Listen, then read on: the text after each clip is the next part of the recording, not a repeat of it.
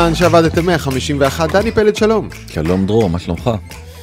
אה, נושם פנימה והחוצה, אתה יודע, עם ישראל נלחם, ואני חושב שגם לנו יש תפקיד מסוים במלחמה הזאת, וזה להסתכל קדימה ולעזור לאנשים להבין לאן הכל הולך, מבחינה טכנולוגית, מבחינה כלכלית.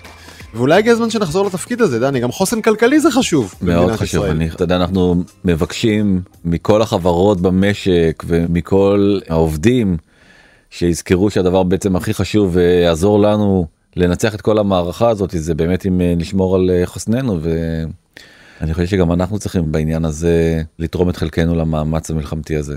אז אנחנו עם חזק, קוראים לא מעט דברים בזמן שאנחנו התעסקנו פנימה ובעצמנו ובצדק. אז אנחנו ננסה בדקות הקרובות לספר לכם על כמה מהאירועים, התרחשויות, חידושים הטכנולוגיים הכי חשובים שקרו בתקופה האחרונה, בתחומים שמעניינים אותנו ועוד הרבה מאוד אנשים אחרים, ואנחנו הולכים לעסוק בשני יזמים שרוצים לעשות משהו שאנחנו מחכים לו כבר הרבה זמן, וזה להחליף את האייפון. כן. הם לא רק סתם שני יזמים, הם אה, בעל ואישה. ואיפה הם הכירו? באפל. איפה שצריך להכיר, בדיוק. כשאתה רוצה בדיוק לפתח אה, משהו חדש ומשמעותי. המשקיע הראשון שלהם הוא גם אדם שאנחנו מאוד מתעניינים בו, קוראים לו סם אלטמן, ועולה שאלה גדולה האם הוא עדיין תומך בהם, יש שם תככים שאנחנו ניכנס אליהם, והוא מצידו השיק ממש עכשיו חבילת שדרוגים מסחררת ל ChatGPT, גם עליה אנחנו נעבור. ונקנח בסוף, זה לא כזה קינוח, בתשובה לשאלה מי מוכר fake news סביב מלחמת עזה עכשיו, חרבות ברזל, בכסף, גם זה עניין טכנולוגי. אבל בואו שנייה מנהרת הזמן כמעט 16 שנה לאחור, לרגע שבו הדבר הזה הומצא. כמעט 17 שנה לאחור. ב-9 לינואר 2007 עלה סטיב ג'ובס על במה בקליפורניה והציג מכשיר חדש שנקרא אייפון מאז אפל מכרה כמעט 2.4 מיליארד אייפונים, רק אפל לבדה, והיום בעולם יש 6.7 מיליארד טלפונים חכמים פעילים. זה מספר פשוט בלתי נתפס קרוב ל-70% מאוכלוסיית העולם מחזיקה בטלפון כזה ואנחנו כל mm-hmm. הזמן שואלים את עצמנו מה תהיה הפלטפורמה הבאה שבה בעצם נשתמש כדי uh, לתקשר תמיד הסרטים נותנים לנו איזושהי הצצה לגבי העתיד אז Minority uh, Report עם טום uh, קרוז אולי זה בעצם החלום הרטוב של כולנו שהמסכים יתעופפו סביבנו באוויר ובאמת במהלך uh, השנה אפל השיקה את המוצר החדש שלה שנקרא Vision Pro והוא כולל משקפיים שאנחנו חופשים על ראשנו ואז המסכים מתעופפים סביבנו וננסה היום להגיד או לענות על השאלה בעצם האם זה מסמן את החיים אחרי הסמארטפון האם המסך הזה שאפל מציגה זה העתיד או אולי יש כל מיני אה, רעיונות אחרים שאנחנו שומעים עליהם שהם שמה, בעצם יהיו. לפני כמה שבועות דני יצא אייפון 15 ואני חושב שהתלוננו אתה אני וחצי עולם בפעם הכמעט 15 על זה שעוד פעם אין כלום מעניין. אז הבום הזה, תפיסה אחרת לגמרי של איך אנשים וטכנולוגיה יכולים להתחבר ביחד, זה לא קרה לנו המון המון שנים. אני מסכים איתך, ואני גם חושב שגם אנחנו צריכים לזכור את זה בהקשר של מה שאנחנו הולכים לדבר עליו פה בפרק, זה שהרבה מאוד פעמים הוא לוקח לנו זמן עד שאנחנו מבינים כמה הטכנולוגיה שאנחנו רואים מול העיניים שלנו היא משמעותית. גם כשהאייפון נכון. הראשון יצא, הרבה מאוד אנליסטים היו סקפטיים, אמרו שזה גימיק, זה בסך הכל אייפוד שחיברו לו טלפון שזה דרך אגב היה הרעיון המקורי אחרי כן. זה התפתח להיות הרבה מאוד דברים אחרים אבל זה התחיל מאייפוד וטלפון ופשוט אה, סטיב ג'ובס ראה שאנשים סוחבים בתיק הרבה מאוד מכשירים. ואז הוא אמר אז למה שאני לא אאחד את כולם למכשיר אחד? וככה בעצם נולד לו האייפון הראשון. ואנחנו הולכים לספר סיפור שהוא גם מאוד מאוד מעניין בהרבה מאוד אספקטים אחרים שאינם רק קשורים לטכנולוגיה אלא לבני אדם. אבל בוא נתחיל. אני רוצה להתחיל דווקא מבחור שקוראים לו עמרן צ'אודרי שהוא היה עם סטיב ג'ובס ביום שבו הושק האייפון הראשון והוא אחראי להרבה מאוד פטנטים הוא רשום על הרבה מאוד פטנטים באייפון הזה הוא בעצם אה, רשום על הפטנט של מסך המגע של האייפון. הוא החליט על כפתור ההום הכפתור הזה בתחתית הטלפון שהוא הכפתור היחיד שיש באייפון. כשטיפה עשיתי תחקיר לפרק אז פתאום גם גיליתי שדווקא סטיב ג'ובס חשב שחייבים כפתור בק כמו באנדרואיד וצ'אודרי דווקא עמד על הרגליים האחוריות ואמר לא צריך כפתור אחד אסור שיהיה יותר מכפתור אחר כל השאר נעשה באמצעות המסך מגע. הוא גם זה שבעצם ייצב את האייקונים בתור הריבועים האלה המאוד מאוד אייקונים שהיום כל המערכות הפעלה בעולם באנדרואיד ובאייפון משתמשים באייקונים האלה וככה אנחנו בעצם מגיעים לאפליקציות המצאה שלו. ומה שקרה שב-2016 ג'וני אייב המעצב הבכיר של אה, חברת אה, אפל אה, הודיע שהוא עוזב את העיצוב של המוצרים מתקדם הלאה להיות באסטרטגיה ומינה תחתיו בחור בשם ריצ'רד הווורת שהיה אחד מתוך צוות של 15 עובדים שעבדו תחת ג'וני אייב. המינוי הזה היה תמוה בעיני חלק מהעובדים וצ'אודרי החליט שהוא עוזב והוא כתב מכתב לכל החברים שלו והקולגות שלו באפל. והוא פתח אותו בציטוט מתוך שורה של המשורר אה, הפרסי הסופי רומי. והוא אומר כשאתה פועל מתוך הנשמה שלך אתה מרגיש נהר נע בך שמחה.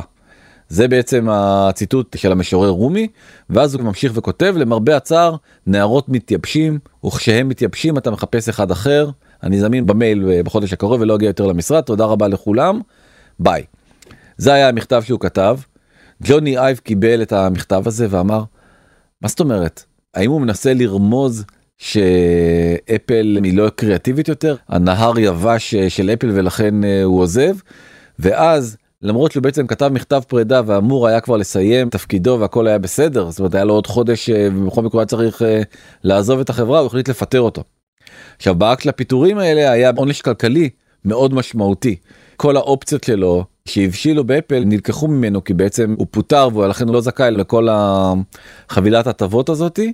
צ'אודרי אמר שפשוט הוא לא הבין את מה שהוא כתב ובעצם הוא באופן אישי מרגיש שהנהר הפנימי שלו הקריאטיביות שלו כבר לא במקומה ולכן הוא רוצה לעזוב את החברה.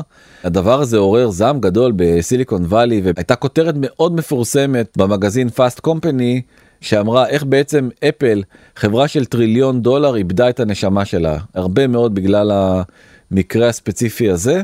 ואז החליט אה, צ'אודרי ביחד עם אשתו שהיא הייתה בצוות האייפד של אפל ושם הם הכירו בת'ני בונג'ורנו להקים סטארט-אפ חדש. סטארט-אפ הזה גייס עד היום 241 מיליון דולר קרוב לרבע מיליארד דולר זה פשוט סכום משוגע. וכמו שאמרנו קודם את הסיבוב A שלו הוביל לא אחר מסם אלטמן. שהצטרף לדירקטוריון ואמר זו באמת הפלטפורמת מחשוב הכי מרשימה שראיתי מאז אופן AI שאותה הוא הקים. עכשיו שווה להגיד החברה הזאת נקראת יומיין והציוץ הזה הוא מספטמבר 2020 לפני יותר משלוש שנים והגיוס הנוסף הרבע מיליארד דולר מגיע כבר באביב האחרון שנתיים וחצי אחרי 2023. כלומר או שהחבר'ה שם עובדים לאט או שהם עובדים על משהו נורא נורא גדול כי אנחנו מבינים שדברים גדולים לוקחים זמן. אה, על כל פנים זה לא סטארט-אפ קטן וזריז מהעדות הישראליות, אלא הם בונים שם חתיכת אימפריה קטנה. נכון. הציפיות שלנו עולות. נכון. לבנות חברה שאמורה להחליף את האייפון, אנחנו מבינים שזה מצריך השקעה וגם חומרה תמיד היא הרבה הרבה יותר יקרה מתוכנה. בשולי הדברים סם אלטמן כדאי כן לציין את זה בעצם החליף את הביו שלו בטוויטר למגן דוד והוא מביע הזדהות עם מה שקורה עכשיו בישראל וזה מרשים מאוד כי יש הרבה מאוד יהודים בארצות הברית שיושבים על הגדר והוא לא אחד כן. מהם. ב-2023 ממש לפני אה, חצי שנה מנכ"ל NVIDIA ג'נסן הונג אמר שבעצם הגיע מה שהוא מכנה האייפון מומנט הרגע הקסום הזה שנחשפנו לאייפון כשה-AI התחיל באותה תקופה ב-2023 במרץ 23 נחשפנו למודל אה, GPT 4 וברור לכולם שהפלטפורמה הבאה AI יהיה חלק מאוד מהותי מתוכה. באפריל חודש מאוחר יותר עלה צ'אודרי על הבמה בכנס TED היוקרתי ואמר mm. לכל מי שהיה מוכן אה, להקשיב והיו הרבה כאלה שהוא לא מאמין שהעתיד של פלטפורמת המחשוב זה מסך גדול על הפנים. זאת אומרת זה איכשהו נראה לו ההפך מהטבע האנושי אנשים לא ירצו לשים את המסכים הגדולים האלה על הראשים שלהם ולכן הוא לא רואה בזה את עתיד הטכנולוגיה. ב-30 בספטמבר mm-hmm. בשבוע האופנה בפריז נעמי קמבל צעדה על המסלול ובדש שלה היה מין מכשיר לא ברור הוא נראה כמו סיכה אופנתית ומצד שני קצת מגושם מדי בשביל להיות סיכה אופנתית התחילו חרושת שמועות של מה זה מהר מאוד התברר שזהו בעצם אותו Human AI פין ככה זה נקרא mm-hmm. המכשיר הזה וזה בעצם device שקיבל את ההשראה שלו וגם סם אלטמן התייחס ספציפית למוצר הזה וזה מדהים איך סרטים גורמים ליזמים לפתח את מה שהם רואים בסרט אבל הרעיון היה לקחת את המכשיר הקטן שהיה ל... לא משנה, לחואקים פיניקס בכיס, לדבר איתו כשהוא מסתובב לו בים איתו. זה הייתה השראה לאיזשהו מין אה, סיכה כזאת בדש, שאתה יכול להסתובב איתה ולדבר איתה, והיא עונה לך, והכל מבוסס אה, AI. What we smell. Can I eat this? Yes, dragon fruits are low in sugar. What we hear. Hey, uh, what should I get here? 我在这里该点什么呢？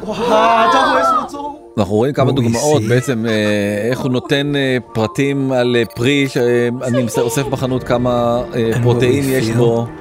או האם הוא יכול לתרגם אותי לשפה אחרת, או האם אני יכול לצלם What are רגע some שאני fun רואה, או לעזור לי Share למצוא moments. אה, מקומות לאכול בהם באזור. What would happen if we rediscover our senses?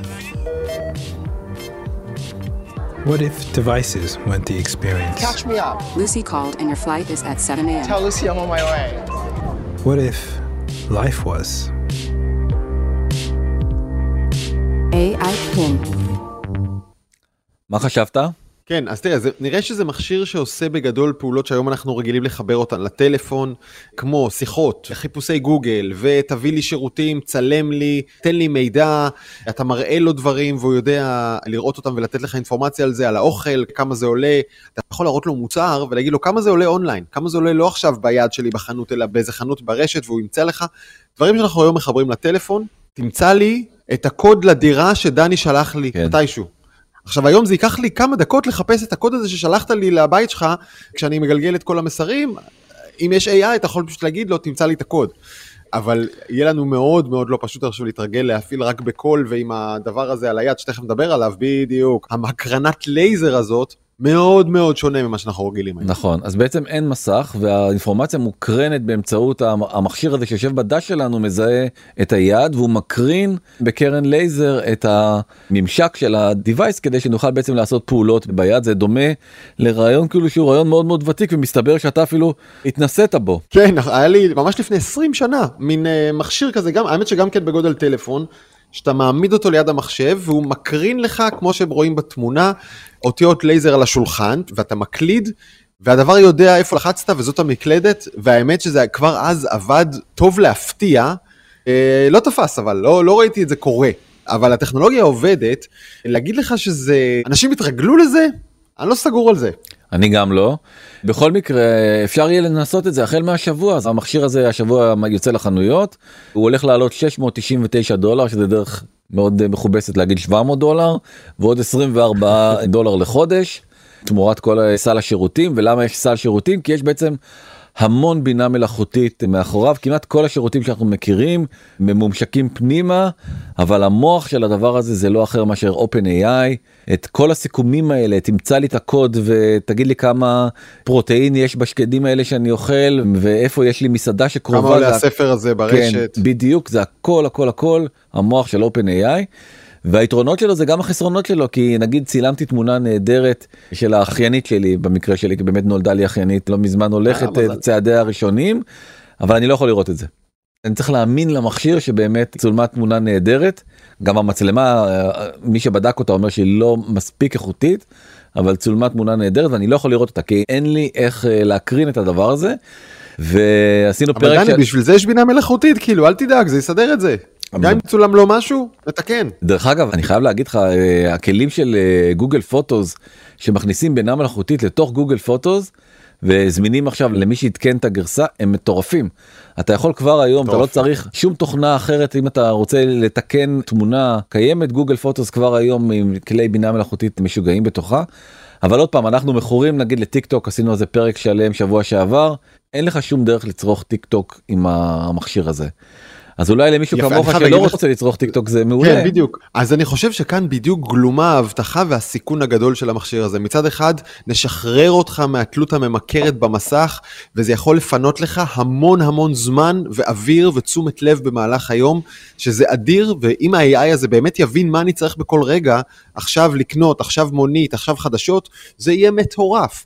מצד שני, זה גם אני חושב החולשה המרכזית של המכשיר הזה, אנחנו מכורים למסך. הקשר בין העיניים למסך מייצר לנו דופמין במוח ולזה אנחנו מכורים, ואם אתה לא יכול לספק לאנשים את הסם שהם רגילים אליו, לא תנצח לצערי הרב. אז אני חושש שבהיעדר מסך, אנשים יתקשו להתחבר ולהתרגל ולהפוך את המכשיר הזה לצומת המרכזי של היום יום שלהם. דמיין לעצמך שאתה יושב באוטובוס ואתה פשוט צריך להסתכל על האנשים סביבך.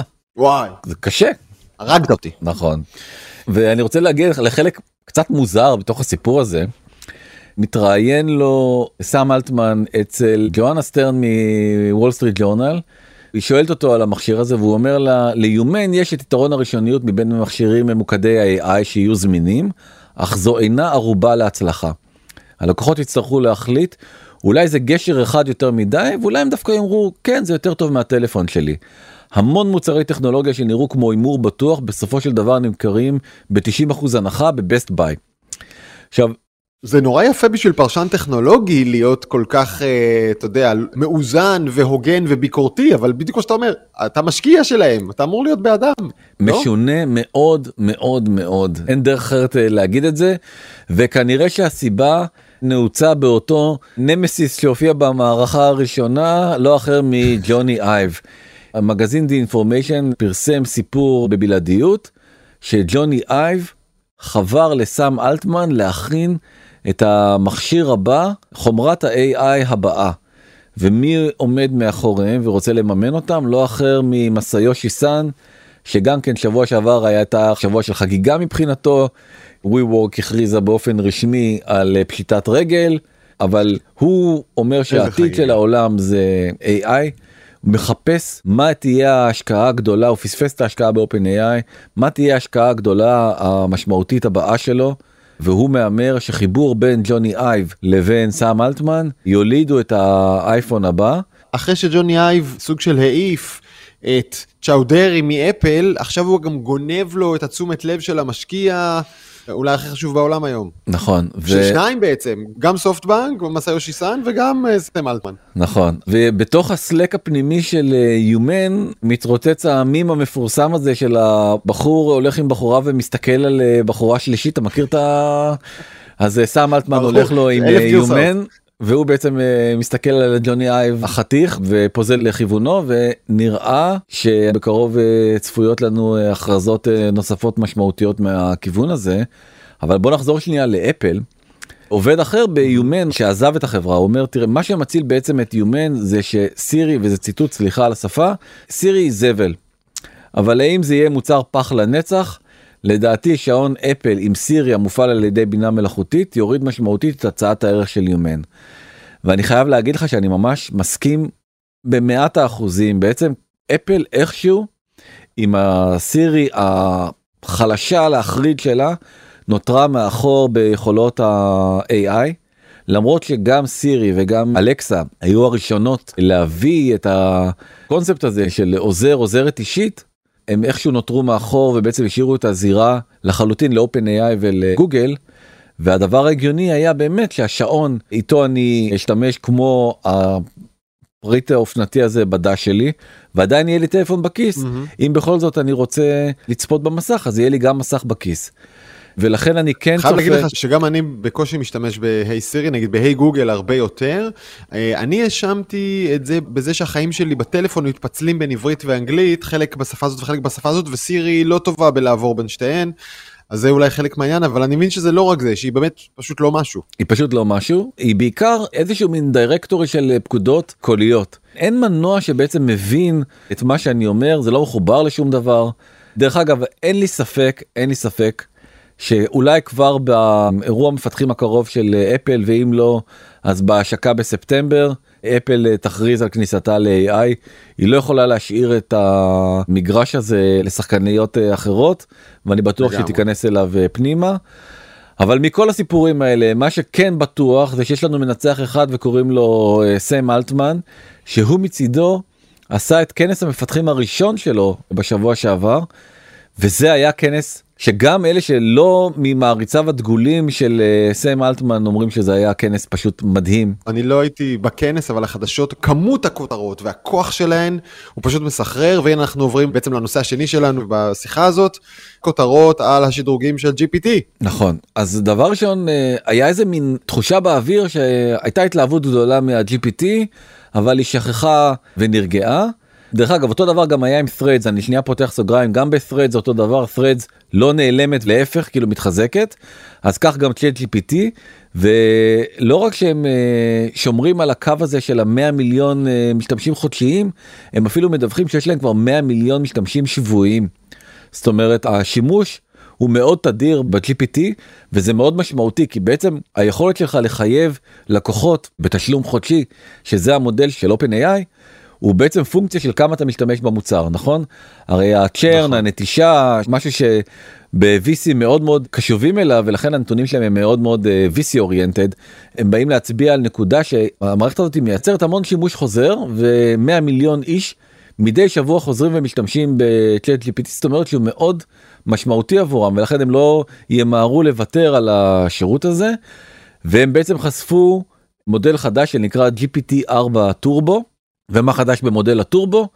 אז דבר ראשון חשוב ביותר מעודכן יותר כרגע הוא עד אה, אפריל 2023 המודל הקודם היה עד ספטמבר 21 הוא גדול יותר הוא מכיל 128 אלף טוקנים שזה אומר שבעצם אפשר להזין אותו בטקסט של 300 uh, אה, עמודים ספר שלם הוא יבין יותר טוב מה מבקשים ממנו כלומר תורת כתיבת הפרומפטים הולכת והופכת לפשוטה יותר אתה זוכר שדיברנו נכון. על זה נכון. בהתחלה ואמרתי לך שאני לא מאמין כאילו שהדבר הזה יימשך לאורך זמן כי בסוף כן. המודל ידע להבין גם בקשות של אנשים שהם לא יודעים איך עובד מודל טרנספורמר בצורה מושלמת ופשוט ידברו בשפה טבעית והמודל יבין אותו זה כאילו ככל שיחלוף הזמן ככה המודל יתקרב יותר ויותר לאנגלית המדוברת שאנשים או העברית המדוברת שאנשים ברחוב מדברים משהו מאוד מאוד משמעותי זה הולך להיות זול בהרבה יותר הצליחו שם בעצם לעשות uh, שינוי דרמטי בעלויות והולך לעלות uh, סנט אחד לאלף טוקנים של uh, הנחיה זאת אומרת לאינפוטים ושלושה סנט לאלף uh, אסימוני השלמה כלומר לאוטפוט שהמודל בעצם uh, פולט. ואולי הדבר הכי משמעותי הוא בעצם הופך להיות מולטי מודל שזה אומר שהוא ידע לשלב באופן מושלם תמונה וטקסט וגם לבחור את הפלאגינים הם התייחסו לזה שבעצם זה סיוט היה לבחור כל פעם מחדש איזה פלאגינים אתה רוצה להשתמש נכון. בהם אז הוא ידע לבד להמליץ על הפלאגינים הנכונים.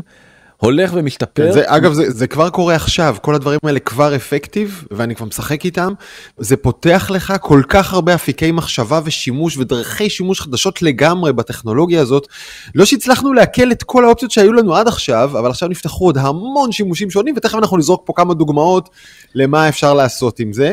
זה שינוי מדהים בעיניי כי בסופו של יום. אנחנו בין גרסה לגרסה עוברים כמה חודשים ואנחנו פשוט קופצים בקפיצות של קנגרו קדימה. ממש. וזה מדהים כמה מהר הדבר הזה מתקדם. כל חברה שידבר איתה על AI בכל קונסטלציה, אה, תמיד בסוף, אחרי שאתה מראה להם מה אפשר לעשות, וזה אומרים, טוב, אבל מה אם יתבעו אותי?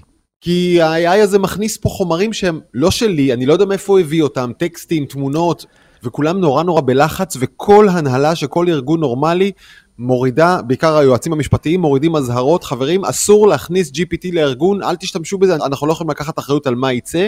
ראינו כבר לפני כמה חודשים את מייקרוסופט מודיעה שיהיה ביטוח למשתמשים במוצרים שלה, ביטוח מתביעות, ועכשיו OpenAI מצטרפת.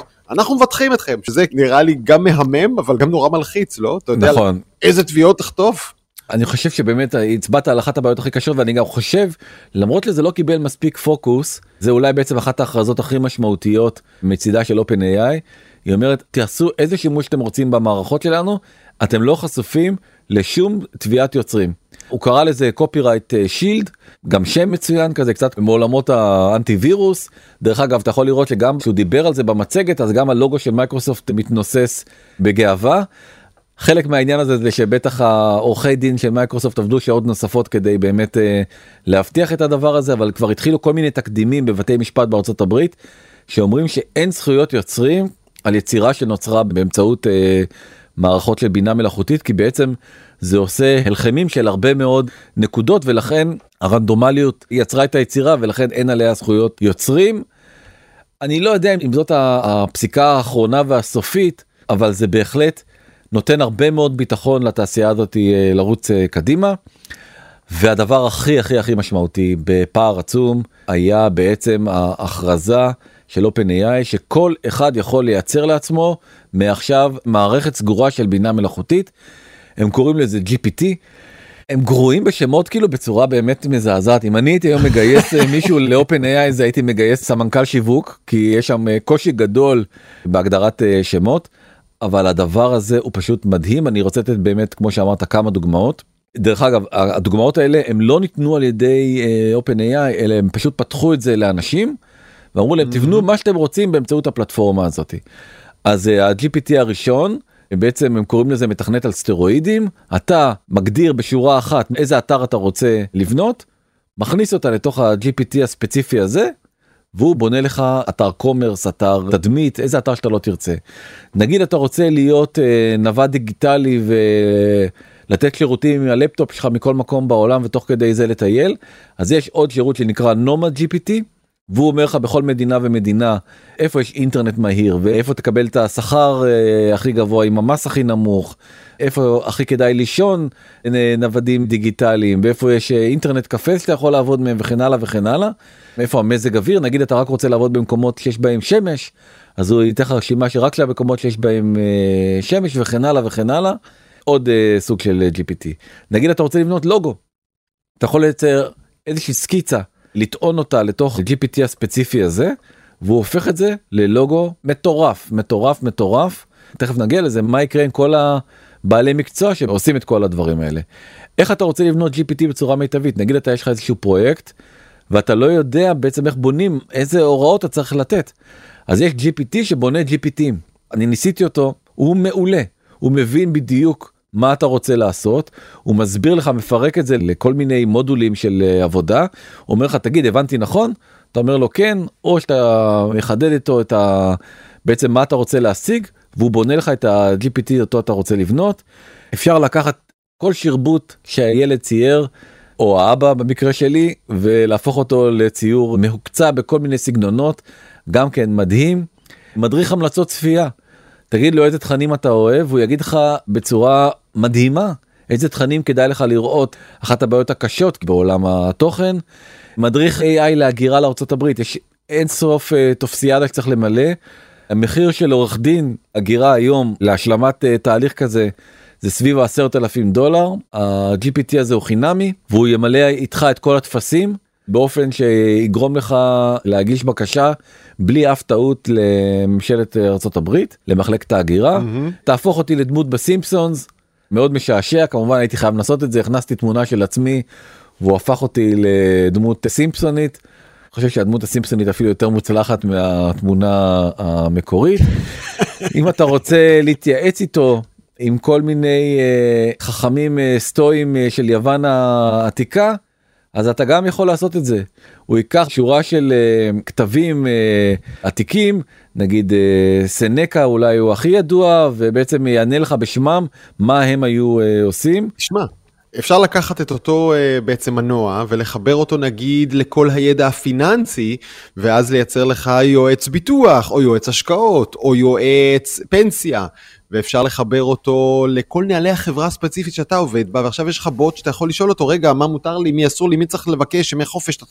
דמיין שכתבת ספר, כולו ב-PDF, יכול פשוט להעלות אותו ל-GPT, ולא רק להגיד לו תבדוק לי עובדות ואולי תשפר לי ניסוחים, אתה יכול להגיד לו, תיצור לי את הכריכה. קרא את הספר, ותציע לי כריכות, ממש את ה visual, נכון? הוא, הוא עושה גם את זה. כל הדברים האלה הוא ו... יכול לעשות. כל הדברים האלה, ונגיד שאתה יוצר תוכן, ואתה רוצה לייצר יוטיובים חדשים, ופתאום אתה קולט איזה יוטיוב ארוך של מישהו שאתה אומר, בואנה, יש שם מלא רעיונות טובים. אתה יכול להוציא ממנו תסריט, זה בקלות יוטיוב נותן לך, פשוט התסריט של הסרט, להעלות אותו ל-GPT ולהגיד לו, תייצר לי מזה שבעה או שבעים סרטונים קצרים של דקה, באיזה שפה שאתה רוצה. אה, זה גניבה? לא, זה לא גניבה, אף אחד לא ידע. ועוד אין סוף, אין סוף רעיונות. אה, אתה יודע, חברות עסוקות הרבה פעמים בלקדם את המותג שלהן, ועד היום לא ידעו לשמור על אותו מיתוג, על אותו אווירה. עכשיו כבר הרבה הרבה יותר, אתה יכול לתת למנוע את המותג שלך, אני מסתכל מה יש לי כאן מסביבי, הנה המותג שלי, קח, צלם את זה, ותן לי עוד יצירות באותו מותג, באותה שפה גרפית. בקיצור, כמויות השימושים כמו שהם היו קודם אינסופיות, הוספנו עכשיו איזה בריבוע קטן, אני חושב. אז מישהו כתב בטוויטר שקשה לו להחליט אם זו אה, חתונה או לוויה. ובאמת זה הסנטימנט עכשיו בכל הרשתות החברתיות את זה לקחתי מלינקדאין שמישהו אמר בעצם החדשות הרעות OpenAI הרגה 100 אלף AI סטארט-אפים החדשות הטובות היא מניחה בעצם את התשתית לעשרה מיליון סטארט-אפים חדשים מישהו אחר בנה רשימה של כל הסטארט-אפים חלקם ענקיים שזכו למימון עצום כי בעצם היכולות שנחשפו מייתרות הרבה מאוד מכל מיני מודלים מצומצמים של AI שחברות uh, קטנות בנו כמו למשל מה שאמרת על ה-PDF. אז לא צריך עכשיו בעצם סטארט-אפ נכון. מה שהוא עושה זה מזין pdf ונותן לך לשאול עליו queries או לא צריך ai פרטי לארגונים כי חברת OpenAI אומרת לך בוא תבנה לעצמך איזה gpt שאתה רוצה. אתה עובד בקשת ואתה רוצה gpt רק לקשת תבנה כזה אתה רוצה רק לכל חברה אחרת תעשה לעצמך מה שאתה רוצה זה לא מחובר אלינו תשתמש בזה כפי שאתה מוצא לנכון הם שיפרו גם מאוד המודל של הדיבור. GPT שאתה מעלה אליו את כל הסרטונים של שאולי, ועכשיו אתה יכול לדבר עם שאולי. שאולי עונה לך, נכון? זה לחלוטין אפשרי. לרמה הזאת אה, לגמרי מישהו אחר מאט אה, טורק שהוא בפרסט קפיטל מ-VC מאוד מאוד נחשבת אומר יש תמיד את השרטוטים האלה של המפות סטארט-אפים ואתה רואה 2023 מפת AI הייתה עמוסה במלא מלא מלא מלא מלא אייקונים של אה, סטארט-אפים קטנים מפת 24 לוגו אחד OpenAI כל החברות האלה לא ברור מה יהיה עתידן דוגמה מאוד מפורסמת זה מזכיר לנו את הרעיון שדיברנו עליו, כן, בדיוק. עם, עם אה, שום אחר שלא מדבר, בעזרת אה, חברת סטארט-אפ בשם קרקטר AI, נכון אז קרקטר AI באמת חברה מאוד מצליחה שנותנת לך אפשרות לדבר עם איזה דמות שאתה לא רוצה אתה רוצה לדבר עם אילון מאסק תדבר רק עם אילון מאסק אתה רוצה לדבר עם פרויד פרויד מייקל שומאחר וכן הלאה וכן הלאה. המוצר שלהם לטענתם מצליח בצורה בלתי רגילה והם אה, אומרים שאנשים מדברים שעתיים עם דמויות קצת דומה עוד פעם לפרק ההוא של אה, מראה שחורה ובאותו שבוע גוגל כבר הודיעה שהיא רוצה להשקיע בקרקטר AI לפי שווי של חמישה מיליארד דולר.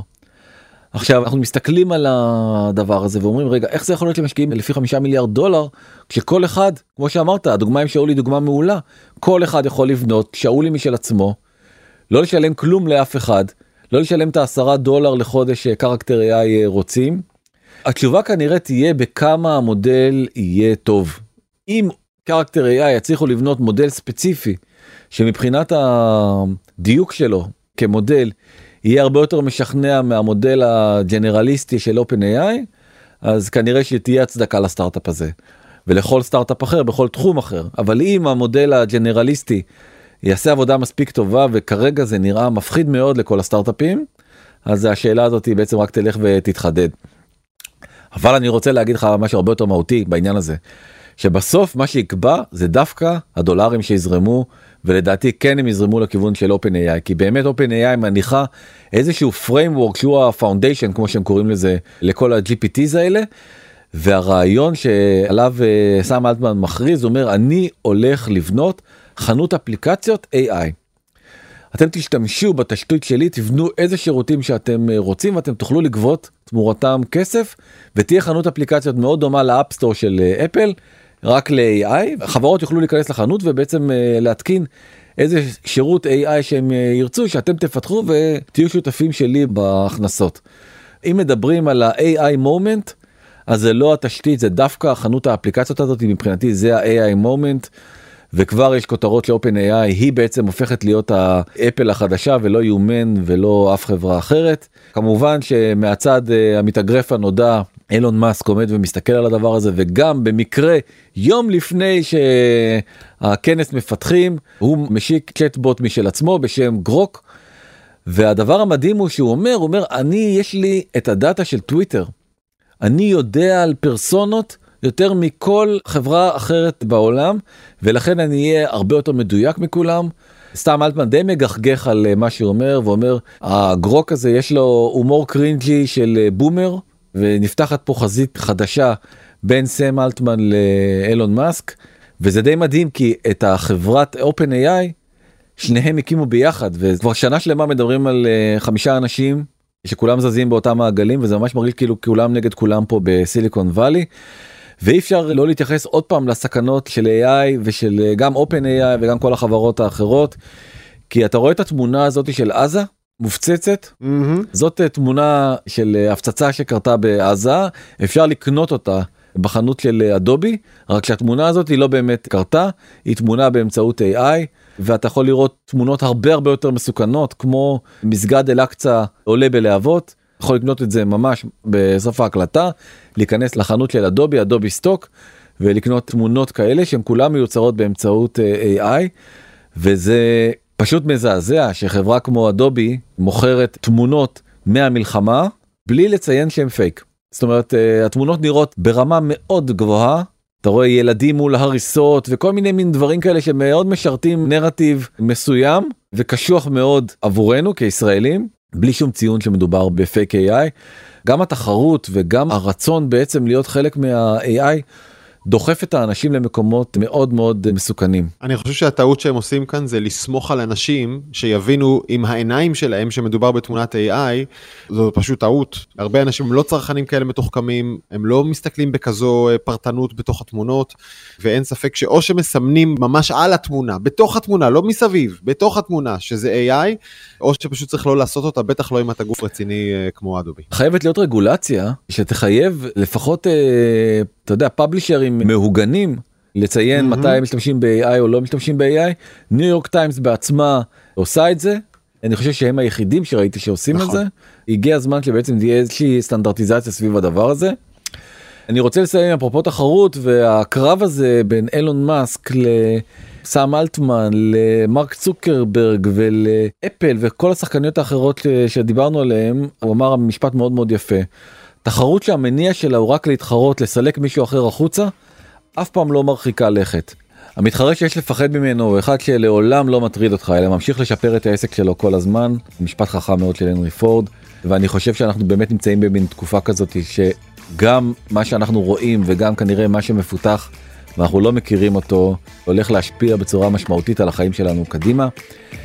זהו עד כאן דרור אני רוצה להגיד uh, תודה לעורכת uh, אפרת מירון למוטי אוננה על הסיוע הטכני לחבר'ה במאקו ניצן כרמלי זוהר צלח ודנה גוטרזון ואתם יכולים uh, לדבר איתנו אנחנו בוואטסאפ 037676 או במייל בזמן שטרודל קשת מינוס טבעי נקודה קום או בקבוצה שלנו בזמן שעבדתם הקבוצה בפייסבוק תודה רבה לך דרור. תודה דני, יאללה ביי.